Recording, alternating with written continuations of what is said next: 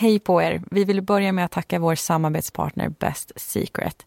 Deras hemsida är väldigt unik. De har ofantligt mycket kläder och märken. Men man kan bara se deras utbud och handla hos dem om man är medlem. Och för att bli medlem så behöver man bli inbjuden och också få en kod. Och vi har självklart en kod till er. För att se den går ni in på bestsecret.se modepodden. Och det börjar ju närma sig Black Friday men egentligen så spelar inte det så stor roll när den kommer till Best Secret. Nej, de har ju nedsatta priser året runt så att man kan ju säga att det jämt är Black Friday hos dem. Även om det blir extra bra priser just på den här dagen. Och jag har faktiskt fyndat två jackor där och det är väl onödigt tänker ni, men en av dem var till min tvååriga dotter. Båda är pälsjackor, fejkpäls såklart och den som jag köpte till mig själv är från märket Schiffhauer. Hoppas jag uttalade rätt nu. Den är vit, så jag har inte på mig den när jag hämtar ett smutsigt barn från förskolan kan jag lova. Men annars har jag faktiskt haft på mig den ja, men i stort sett hela tiden sen jag fick hem den. Och min dotter fick alltså också en pälsjacka från Pet Secret för de har även väldigt mycket barnkläder. Hennes är inte vit utan mörkblå från märket Kants. Så nu kan vi matcha varandra lite gulligt sådär som eh, många gör nu för tiden. Och med det så tackar vi Best Secret och lyssnar på veckans avsnitt.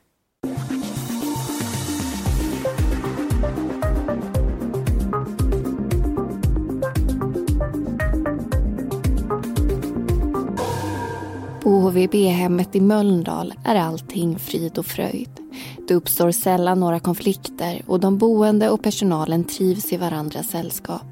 De åker på utflykter och umgås för att skapa en så trevlig vardag tillsammans som möjligt. Men i slutet av 2015 flyttar en ny kille dit, Josef. Personalen får veta att han är självmordsbenägen och att de ständigt måste ha ett vakande öga på honom. Det blir en stor börda och det ifrågasätts om HVB-hemmet verkligen är rätt plats för Josef. Hela tiden handlar oron om att han ska göra sig själv illa. Men i slutändan mister en annan person livet på grund av hans psykiska ohälsa.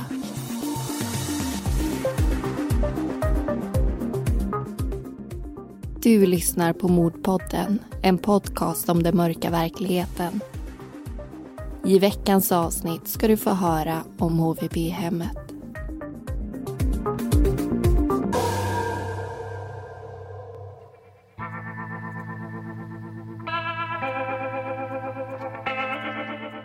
Du tillbringar en stor del av din vakna tid på jobbet.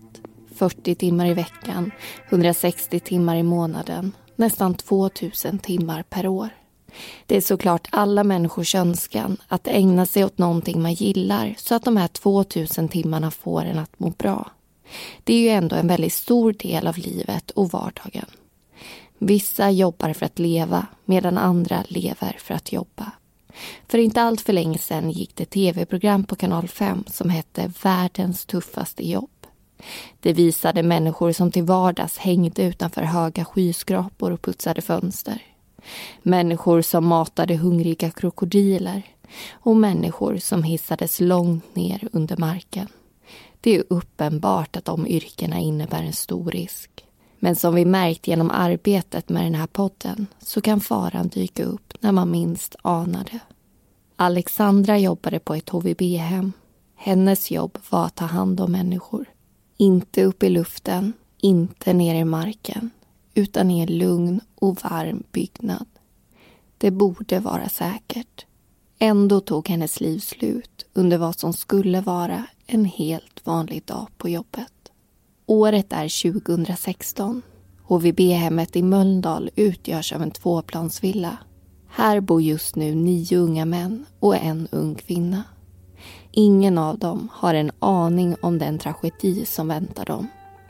På första våningen finns bland annat ett kök, ett kontor, ett personalrum och ett antal sovrum. Innanför huvudentrén leder en trappa upp till den andra våningen. Där finns två hallar åt vardera håll med varsin ingång till ett kök och ett antal sovrum. En av de boende heter Josef.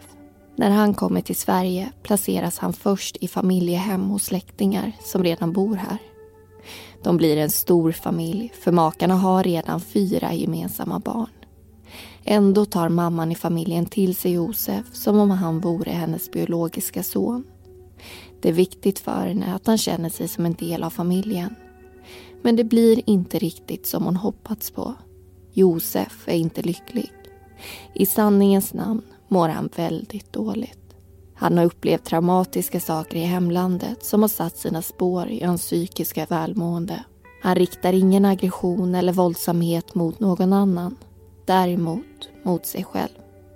Vid ett par tillfällen försöker han ta sitt eget liv. Han vårdas på sjukhus flera gånger och gör även en del besök på psykiatrin. Men ingenting verkar hjälpa. Han får diagnosen posttraumatiskt stresssyndrom. Mamman i familjehemmet förstår till sin förtvivlan att de inte kan ta hand om Josef. Situationen blir ohållbar och i slutet av december 2015 placeras han istället på HVB-hemmet i Mölndal. Inom sig hör Josef röster. Röster som frågar Varför lever du Josef? Eller säger åt honom att döda sig själv. Och de här rösterna följer med honom till det nya boendet. På morgnarna är det som värst. Personalen på HVB-hemmet blir informerad om att de ska ha Josef på prov där en månad. Föreståndaren förvarnar dem om att det kan bli en utmaning för dem att ha honom där. De får instruktioner om att sätta spärrar för Josefs fönster och ta bort alla föremål som han skulle kunna skada sig med. Han är inte farlig för andra, men däremot för sig själv. Tanken är att han ska få en stödperson som finns där bara för honom som kan hålla koll på honom och hur han mår hela tiden. Men i samband med att stödpersonen börjar blir flera i personalen sjuka. Så istället för att ta hand om Josef får den här personen hoppa in i den vanliga verksamheten för att den ska fungera. Det blir därför svårt för personalen att hålla koll på var den unge mannen befinner sig och att han verkligen får sin medicin.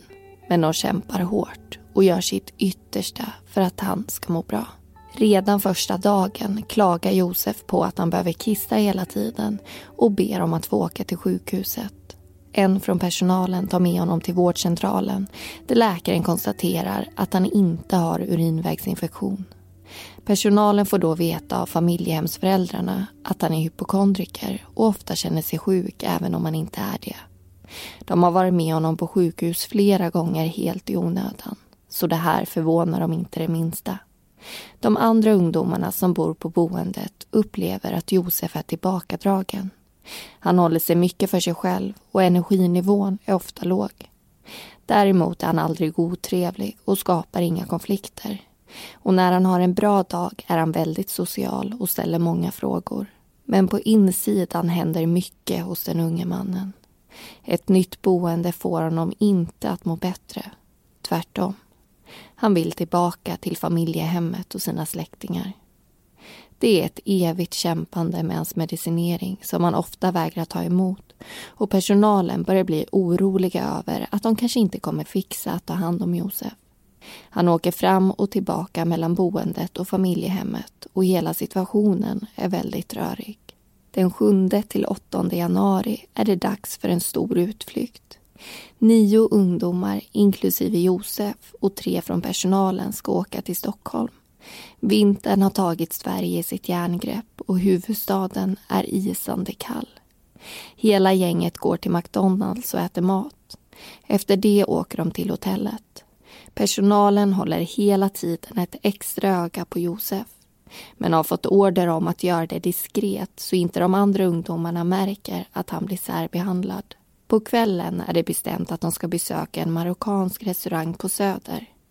Josef och några av de andra killarna vill inte följa med. Personalen blir orolig eftersom det är viktigt för Josef att få i sig mat med tanke på hans mediciner. De försöker få honom att ändra sig, men han vägrar. Det är kallt ute och han varken orkar eller vill lämna hotellrummet. Till slut inser personalen att det inte är någon idé att tjata mer. De kan inte tvinga honom. Så de beger sig till restaurangen med de andra ungdomarna och har en väldigt trevlig kväll. En av killarna som valde att stanna kvar ringer och säger att de är jättehungriga. Personalen försöker få en pizzeria att köra ut pizza till killarna. Men det går inte på grund av snö och vädret. Så de köper med sig mackor, godis och dricka istället. Det borde ungdomarna klara sig på till frukosten. När de lämnar över maten poängterar de att de faktiskt hade valt själva att inte följa med och äta middag. Morgonen därpå fortsätter Josef att vara besvärlig. Han vägrar följa med till frukosten. Han lämnar inte rummet förrän personalen förklarar att de är tvungna att checka ut. Innan de tar tåget hem från huvudstaden besöker de det moderna museet där alla verkade uppslukade av utställningen. Ungdomarna verkar ha uppskattat utflykten till Stockholm. Alla utom Josef. Under ett Ryan Reynolds here from Mint Mobile. With the price of just about everything going up during inflation, we thought we'd bring our prices down. So to help us, we brought in a reverse auctioneer, which is apparently a thing. Mint Mobile unlimited premium wireless. Ready to get 30, 30, bit to get 30, bit to get 20, 20, 20, bit to get 20, 20, bit to get 15, 15, 15, 15 just 15 bucks a month. So, Give it a try at mintmobile.com/switch. slash $45 up front for 3 months plus taxes and fees. Promo rate for new customers for limited time. Unlimited more than 40 gigabytes per month slows. Full terms at mintmobile.com. Möte den 20 januari uttrycker personalen sin oro över Josef och hans vistelse på boendet till föreståndaren. De säger att de märker att han inte mår bra och att det behövs en extra resurs som finns där bara för honom. Att få honom att ta sin medicin är en kamp varje dag. Personalen är ansträngd och orkar inte ha det så här längre. De ifrågasätter om det verkligen är det bästa för honom att bo på VB-hemmet eller om han kanske trots allt mår bäst på familjehemmet som han hela tiden pratar om att han vill återvända till. Det är den 24 januari 2016. Mohammed jobbar sin första arbetsvecka. Han moppar, dammsuger och städar hela nedervåningen. Runt halv elva börjar även Sofie jobba. De sitter och dricker kaffe tillsammans. Det är då det händer. Josef kommer ner med en kniv i handen. Inte på ett hotfullt sätt. Han bara står och håller i den. Sofie får panik. I den andra handen håller Josef en telefon som han räcker över till henne.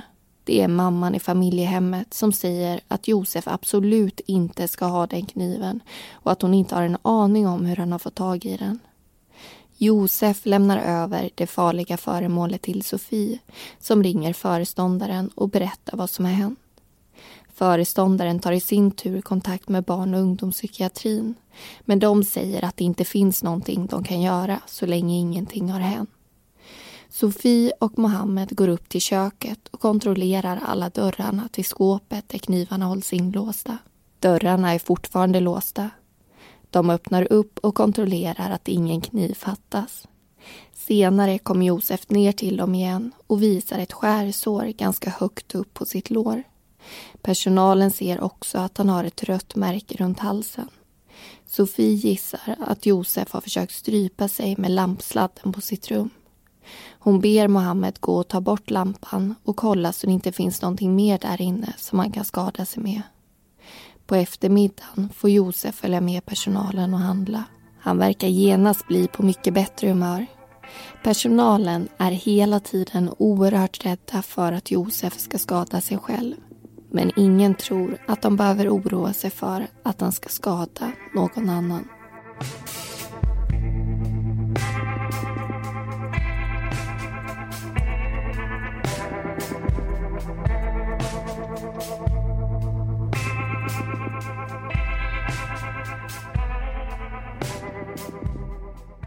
Ja, då har vi alltså hört lite om Josef och hur han mår under den här tiden och vad som kommer att hända.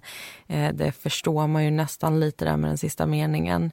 Ibland har vi svårt att veta vad det är som vi ska diskutera i ett fall men i det här fallet så har det varit så mycket att prata om att det istället har varit svårt att sålla bort och välja ut vad det är vi ska ta fram. Och först och främst så måste vi reda ut vad ett HVB-hem är tycker jag eftersom allting utspelar sig där och platsen har en eh, central roll i det här fallet. Ja, förkortningen HVB står för Hem för vård eller boende. Och de här HVB-hemmen kan ha flera olika funktioner. I det här fallet så var det ju ensamkommande flyktingbarn som bodde där, eller ungdomar kanske vi ska säga. Så just på det här hemmet så låg fokus främst på att handleda de här ungdomarna för att bli bra medborgare i det svenska samhället. Så personalens uppgift är att se till att de sköter sin hygien, sin skolgång och lär sig det svenska språket. Så det här boendet det ska vara tryggt och ungdomarna har egna rum och egna toaletter för att de ska känna att de, ja, men att de har en egen och liten privat yta. Och så får de såklart information om hur det svenska samhället fungerar för att de så småningom ska kunna klara sig själva i landet. För det är ju det som är tanken såklart. Men det finns ju också HVB-hem som inte är för ensamkommande flyktingbarn utan till för till exempel ungdomar med missbruksproblematik. Josef han placeras ju först i ett familjehem och det är släktingar till honom som han bor hos i ungefär ett halvår. Och tanken med ett familjehem det är ju att ett barn eller en ungdom ska tas emot i en naturlig hemmamiljö.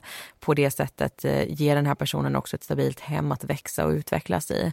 Men Josef kan inte bo kvar där av olika anledningar. Han mår ju psykiskt dåligt och föräldrarna i det här familjehemmet känner att eh, de klarar inte av den extra påfrestningen som det blir att ta hand om ytterligare en person. Och att han helt enkelt också behöver mer hjälp än vad de kan ge honom. Och Josef diagnostiseras ju faktiskt med posttraumatiskt stresssyndrom. Och den här diagnosen den kan drabba personer som har varit med om väldigt traumatiska händelser. På hjärnfonden.se så står det att personer som lider av det här kan bli känslomässigt avskärmade, få koncentrationssvårigheter, sömnproblem, ångest och depressioner. Och de kan också isolera sig och bli aggressiva. Som ni hör så är det väldigt många symptom som beskrivs och det är såklart olika från person till person hur den här diagnosen visar sig och hur mycket den påverkar en. Men vi vet att det är händelser i hemlandet som ligger till grund för att just Josef mår så dåligt. Och det är ju så illa att han till och med försöker ta sitt eget liv flera gånger. Och just självmord, alltså det är ett ämne som är så väldigt viktigt att prata om tycker jag. Vi har ju förmånen att nå ut till väldigt många människor med våra avsnitt så vi försöker så gott det går att utnyttja den här plattformen vi har att förmedla information som faktiskt kan hjälpa människor på olika sätt. Och vi hoppas att den här diskussionen kan vara ett just eh, sånt tillfälle. Mm, för jag tror att det är väldigt viktigt att bryta tabun som finns kring självmord och börja prata om det. För det är ju genom att prata om det som man också kan förebygga att det sker. För det är faktiskt den allra vanligaste dödsorsaken för människor mellan 15 och 24 år. Så det är ju vanligare än vad många säkert tror just för att man inte pratar så mycket om det. Och anledningen till att man borde prata mer, det är ju för att det går att förebygga. Vi var inne och läste om det här på 1177.se där det står att 85 till 90 procent av de som gjort allvarliga självmordsförsök inte avlider av självmord senare i livet om de får hjälp och stöd. Men hur får man då det är ju frågan. Ja, men det är ju faktiskt inte helt lätt för det kan ju vara väldigt svårt som vän eller som nära anhörig till någon Eh, att man ska försöka ta reda på och veta vad det är man ska göra när någon misstänker eller när man misstänker att någon har tankar eller planer på att ta sitt egna liv. Det är inte en jättelätt situation att hantera. Nej, och jag kan tänka mig att många är rädda för att säga någonting fel eller på något sätt öka risken att personen begår självmord genom att prata om det. Men nu när jag läst på väldigt många olika sidor om det här så förstår jag hur otroligt viktigt det är att ta upp det här ämnet med personen det faktiskt gäller. Mm. Ett sånt samtal ökar inte risken för självmord utan det är tvärtom att ett sånt samtal kan förebygga det. Enligt 1177.se så är steget mellan tankar, planer och också handlingar det är olika långt för olika individer. För vissa går det väldigt snabbt och för andra är det ett utdraget eh, händelseförlopp. Men de flesta tvekar ju in i det allra, allra sista och då är de ju mottagliga fortfarande för just hjälp och stöd. Och ibland så är det enda man behöver någon som verkligen lyssnar och tar på allvar det som man säger. Och det tas även upp konkreta exempel på hur man som vän eller anhörig kan prata om det här med personen som man oroar sig för. Dels så handlar det om det du precis var inne på, att verkligen lyssna och att ställa öppna frågor. Låt alltså personen själv få berätta och sätta ord på sina känslor och tankar och visa att du tar in och bryr dig om, om det den säger. Ett annat råd som eh, man måste börja med och som säkert är det svåraste, det är att våga fråga. För det är faktiskt det enda sättet att ta reda på om någon har tankar på att ta sitt liv eller om det är kanske obefogade orosmoln. Och det visar att du bryr dig och att du gärna finns där om personen vill prata om hur du mår. Och sen gäller det att förmedla hopp och tröst. Det är ju två väldigt goda råd.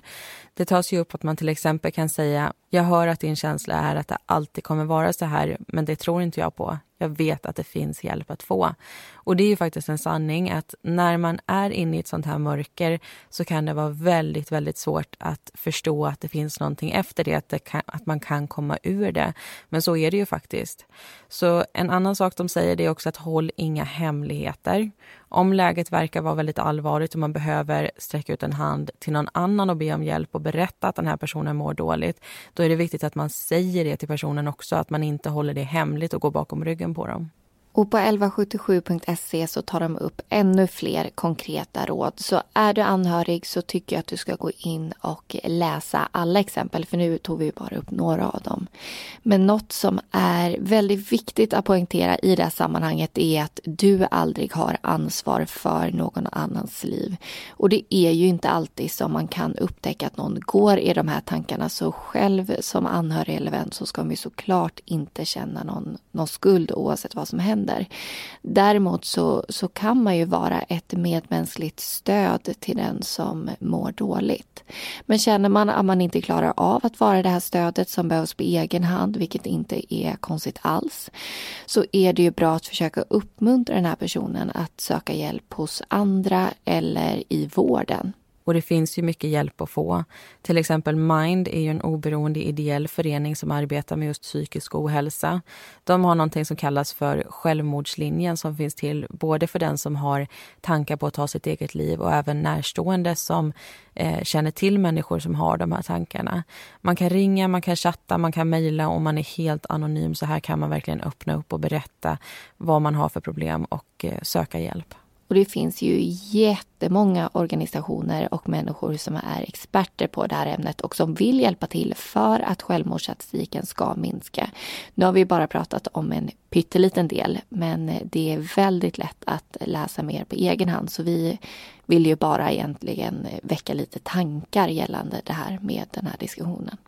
Och vi har kommit en bit ifrån eh, fallet nu. Jag hoppas att eh, vi är förlåtna för det, för det här är ju ändå ett väldigt viktigt ämne och någonting som vi tycker är viktigt att lyfta. Alldeles strax ska vi lyssna vidare på HVB-hemmet och berättelserna. Om du vill ha ännu fler avsnitt publicerar vi ett exklusivt Mordpodden-avsnitt hos Podmi varje månad. Samma upplägg, men alltså fler fall.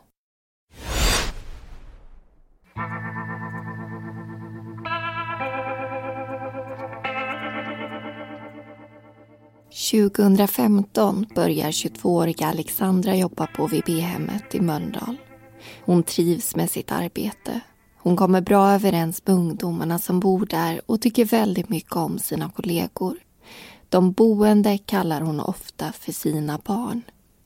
Det är hennes uppgift att ta hand om dem men hon bryr sig genuint om varenda en. Hemma pratar hon inte så mycket om jobbet eftersom hon har sekretess.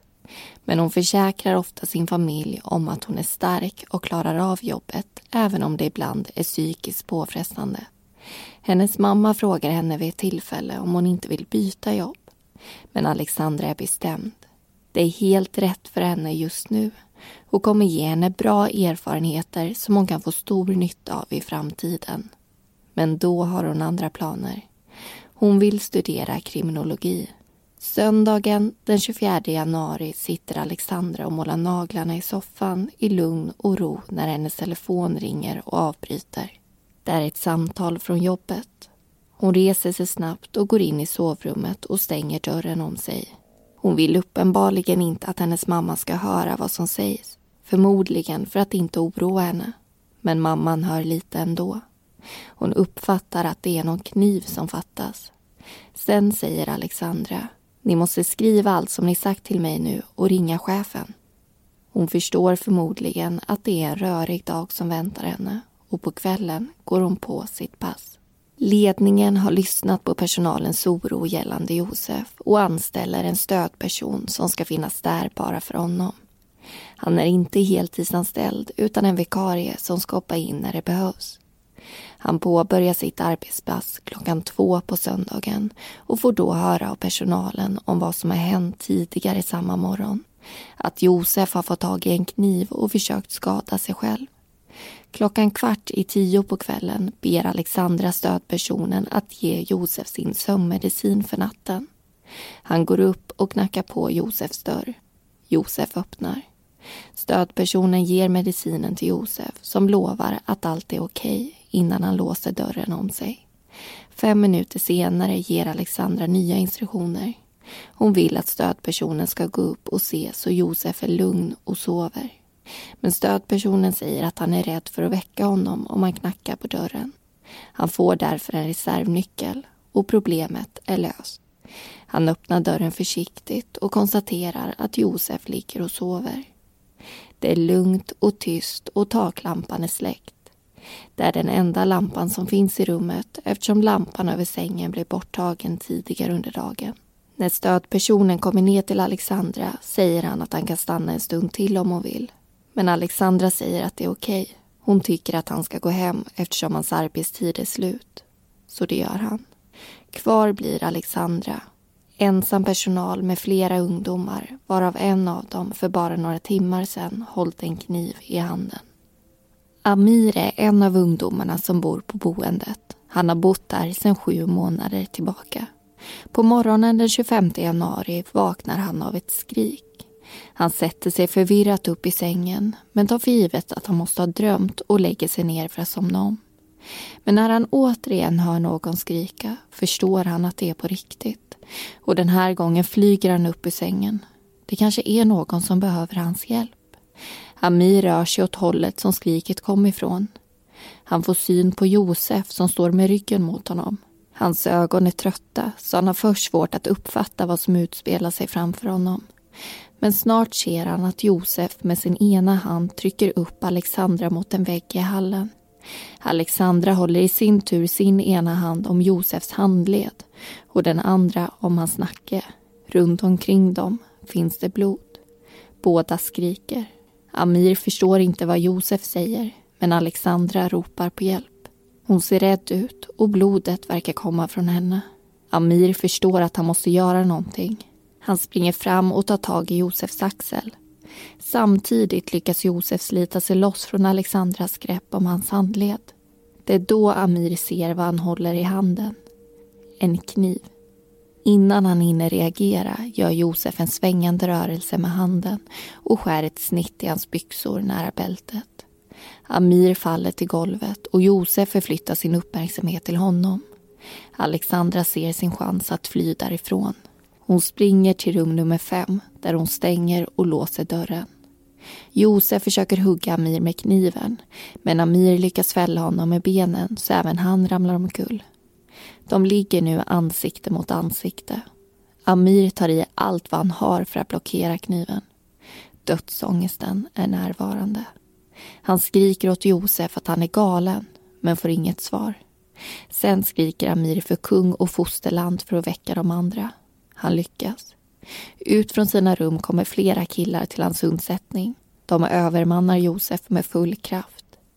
En av dem tar kniven ifrån honom medan de andra hjälps åt att hålla honom kvar trots att han gör vad han kan för att streta emot. Amir frågar Josef varför han ville döda Alexandra. Till svar får han att Josef ville ta livet av sig och att hon försökte hindra honom. Amir skyndar sen iväg till rum nummer fem där han såg att Alexandra sprang in och gömde sig efter attacken. Han vill berätta för henne att Josef inte kommer kunna skada henne mer. Vi håller honom så du behöver inte vara rädd, säger han och lutar sig mot dörren. Inget svar. Han rycker i dörrhandtaget, men det är låst. Inte heller knackningarna får någon respons. Han försöker bryta sig in i rummet, men lyckas inte. Då kommer han på att det finns en nyckel i personalrummet en trappa ner. En reservnyckel som personalen har tillgång till för att kunna öppna alla dörrar om ungdomarna låser in sig. Han går dit men hittar inte nyckeln. Som tur är får han hjälp och tillsammans hittar han och en annan boende det de söker. En av dem öppnar dörren. De tror att de kommer hitta en rädd Alexandra som de nu ska kunna lugna och trösta. Efter allt hon har gjort för dem är det deras tur att ta hand om henne. Men istället hittar de henne livlös på golvet.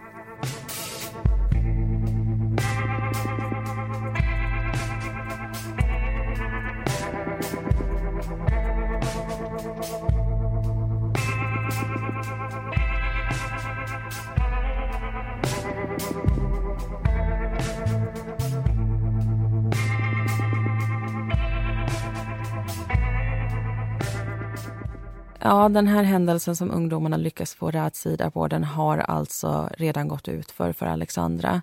Och efter det här mordet så skapas ju en väldigt stor debatt om bolaget som drev det här boendet där Alexandra jobbade och om de också hade något ansvar i det som hände och det tänkte vi ägna en liten del av den här diskussionen åt. Och det som kritiserades mest det var att Alexandra hade jobbat ensam. Nattpersonalen brukade göra det men det innebär ju såklart att man är i en utsatt situation om någonting skulle hända. Jag brukar ofta tänka på Mac backar som man stannar till vid om man är ute och åker väldigt sent eller tidigt på morgonen och de som jobbar där är helt ensamma. Jag tror inte att jag hade vågat göra det, speciellt inte om det ligger lite avsides som mackar ofta faktiskt gör. Jag kan säga att det första jag tänkte på det var också faktiskt mackar. Eh, eftersom jag har haft vänner som arbetat så, så poppade det upp ganska enkelt i mitt huvud. Det finns ju såklart fler jobb som man kan hamna i såna här ensamt utsatta positioner i dock. Men oavsett vad man har för arbete så tror jag att det är viktigt att man har eh, en chef eller en ledning bakom sig som prioriterar ens säkerhet och också ens känsla av att vara trygg på sin arbetsplats. Att vara trygg och också känslan av det. Precis ett år efter det här mordet så kollade ju Mölndalsposten upp hur eh, det såg ut på det här boendet och också om de hade gjort några ändringar i sina rutiner. Och det hade de. Ingen jobbade ju längre ensam, men enligt artikeln så ville inte chefen medge att den förändringen skulle tolkas som att de hade gjort fel tidigare. Och vi ska säga det att de ändrade det här för att de ville och inte för att de var tvungna. Inspektionen för vård och omsorg hade nämligen kommit fram till slutsatsen att man inte kunde lägga någon skuld på bolaget eftersom det inte fanns några bestämmelser som reglerade hur många som måste arbeta samtidigt på ett HVB-hem. Men chefen uttalade sig till eh, Mölndalsposten och de ville komma ifrån ensamarbetet eftersom det är ifrågasatt och också göra det så tryggt som de kan göra det för sin personal och för ungdomarna som bor där. Och om vi hoppar fram lite i tiden så gick faktiskt det här bolaget i konkurs 2018. Men vi tänkte inte grotta ner oss allt för djupt i det här för vi har andra saker att prata om.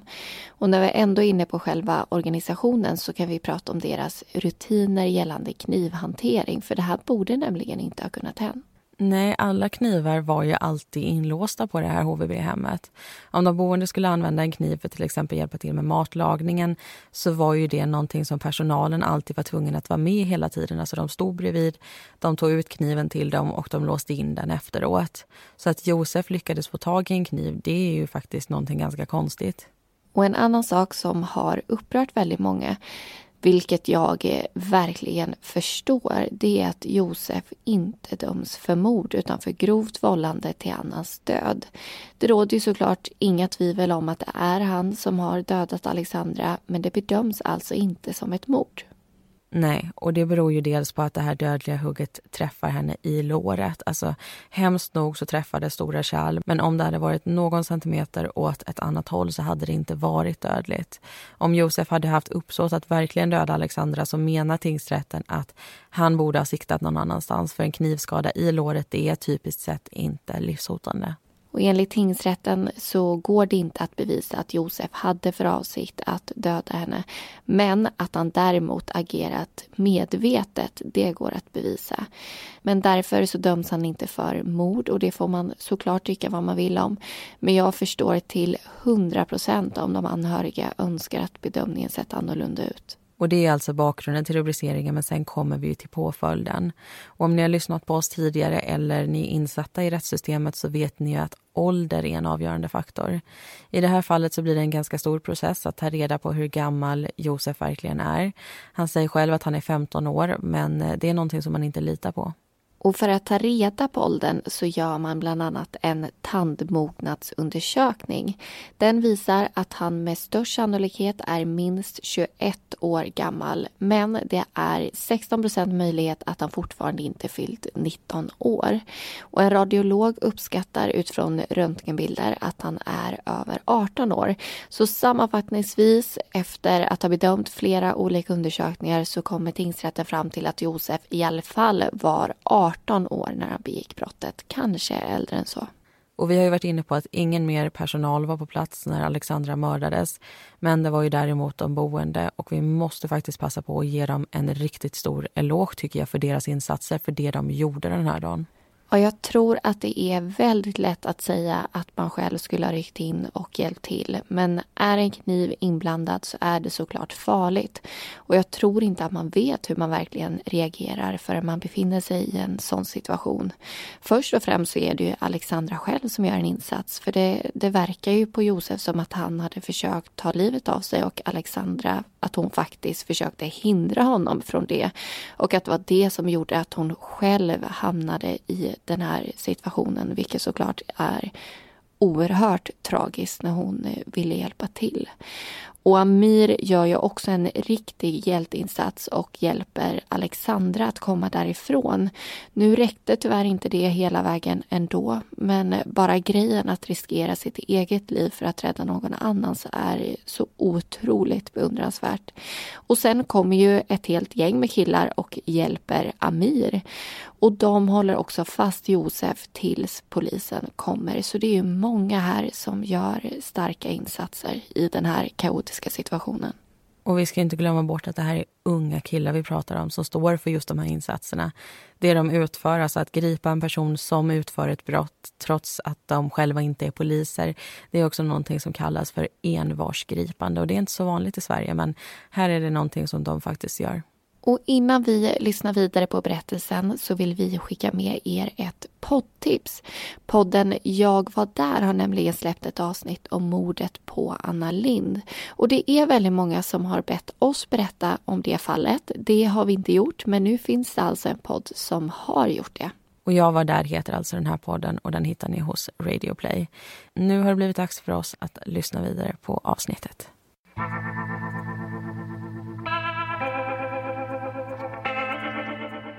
Det blir en traumatisk morgon för alla ungdomar på boendet. Några av dem vaknar av skriken och kikar ut från sina rum.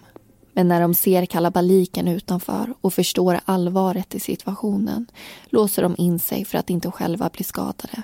En helt förståelig och naturlig reaktion. Men som tur är tar några av dem beslutet att hjälpa till och räddar på det viset förmodligen Amirs liv. Kanske Josefs också. För vem vet vad som hade hänt om de inte tagit kniven ifrån honom. Kevin bor i rum nummer åtta på den första våningen. Precis under rum nummer fem och vaknar på morgonen av en man som skriker. Han slänger på sig kläderna så fort han kan och springer upp för trapporna mot den andra våningen. Han tycker att skriket kommer därifrån. Mycket riktigt möts han av en kaotisk situation vid ingången till hallen. Tre killar håller fast Josef som ligger nedbrottad på golvet.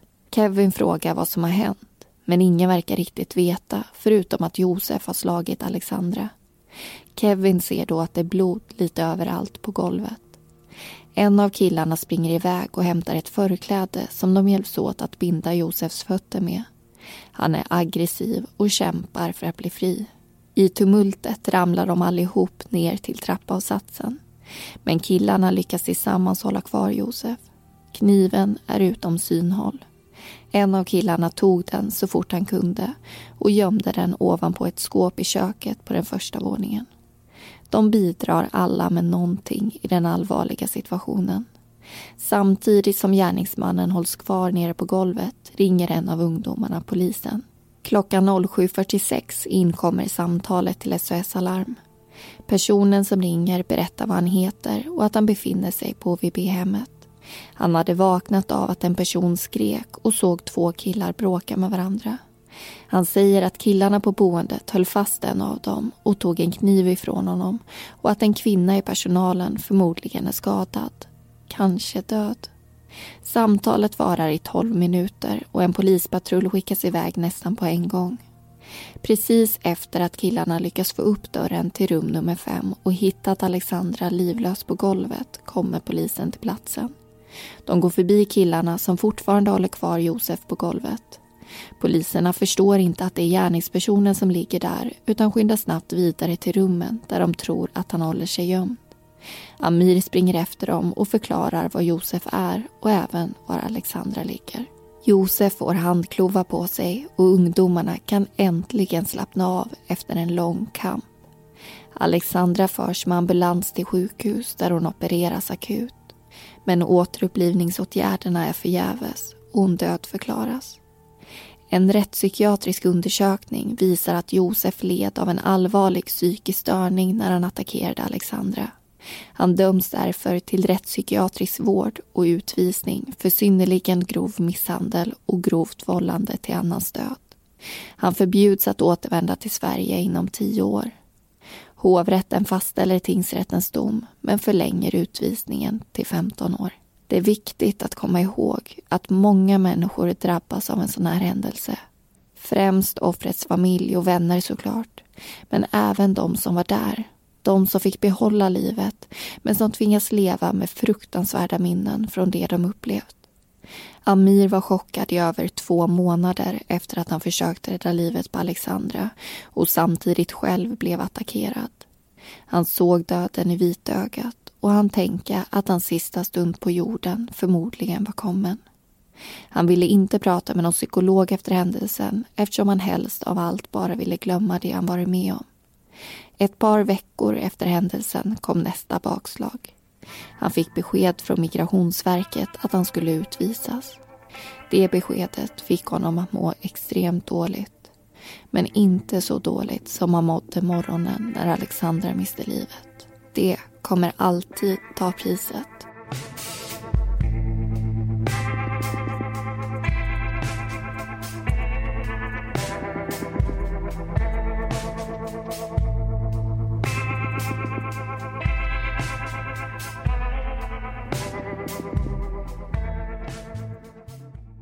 Och det var allting vi hade att berätta om HVB-hemmet. Alla personer i berättelsen förutom Alexandra och Josef heter egentligen någonting annat och informationen är hämtad från domen och förundersökningsprotokollet.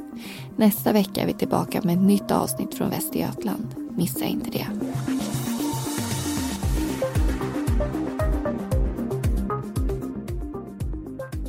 Du har lyssnat på Mordpodden. Vi som har producerat den heter Amanda Karlsson och Linnea Bolin. Bakgrundsmusiken var bland annat Soaring av Kevin MacLeod och Deep Space av Audionautics.